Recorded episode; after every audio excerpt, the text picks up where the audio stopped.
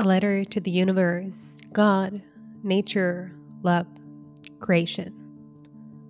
Thank you for all that you provided me in 2023. The challenges that made me find deeper connections within. The deep belly laughs that made me remember what life is truly about. The tears of overwhelm when you gifted me all that I asked for and I didn't know how to hold it all at once.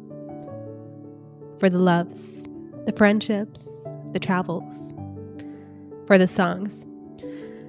Yes, a little extra for the music and the musicians that brought me pure joy this year. What a gift. For getting to experience more of the world and see so far beyond the veil, there's no turning back after this.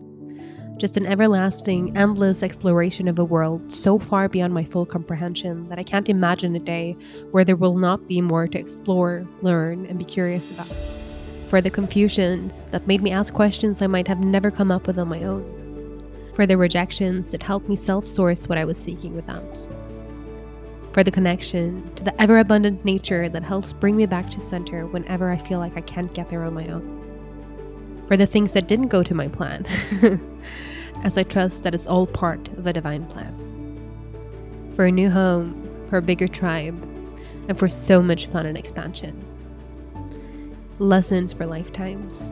Thank you. Thank you. Thank you.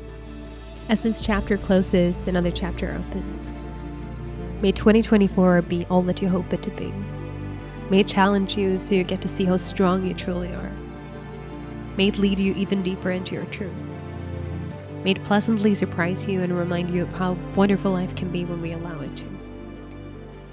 Happy New Year, Soul Tribe.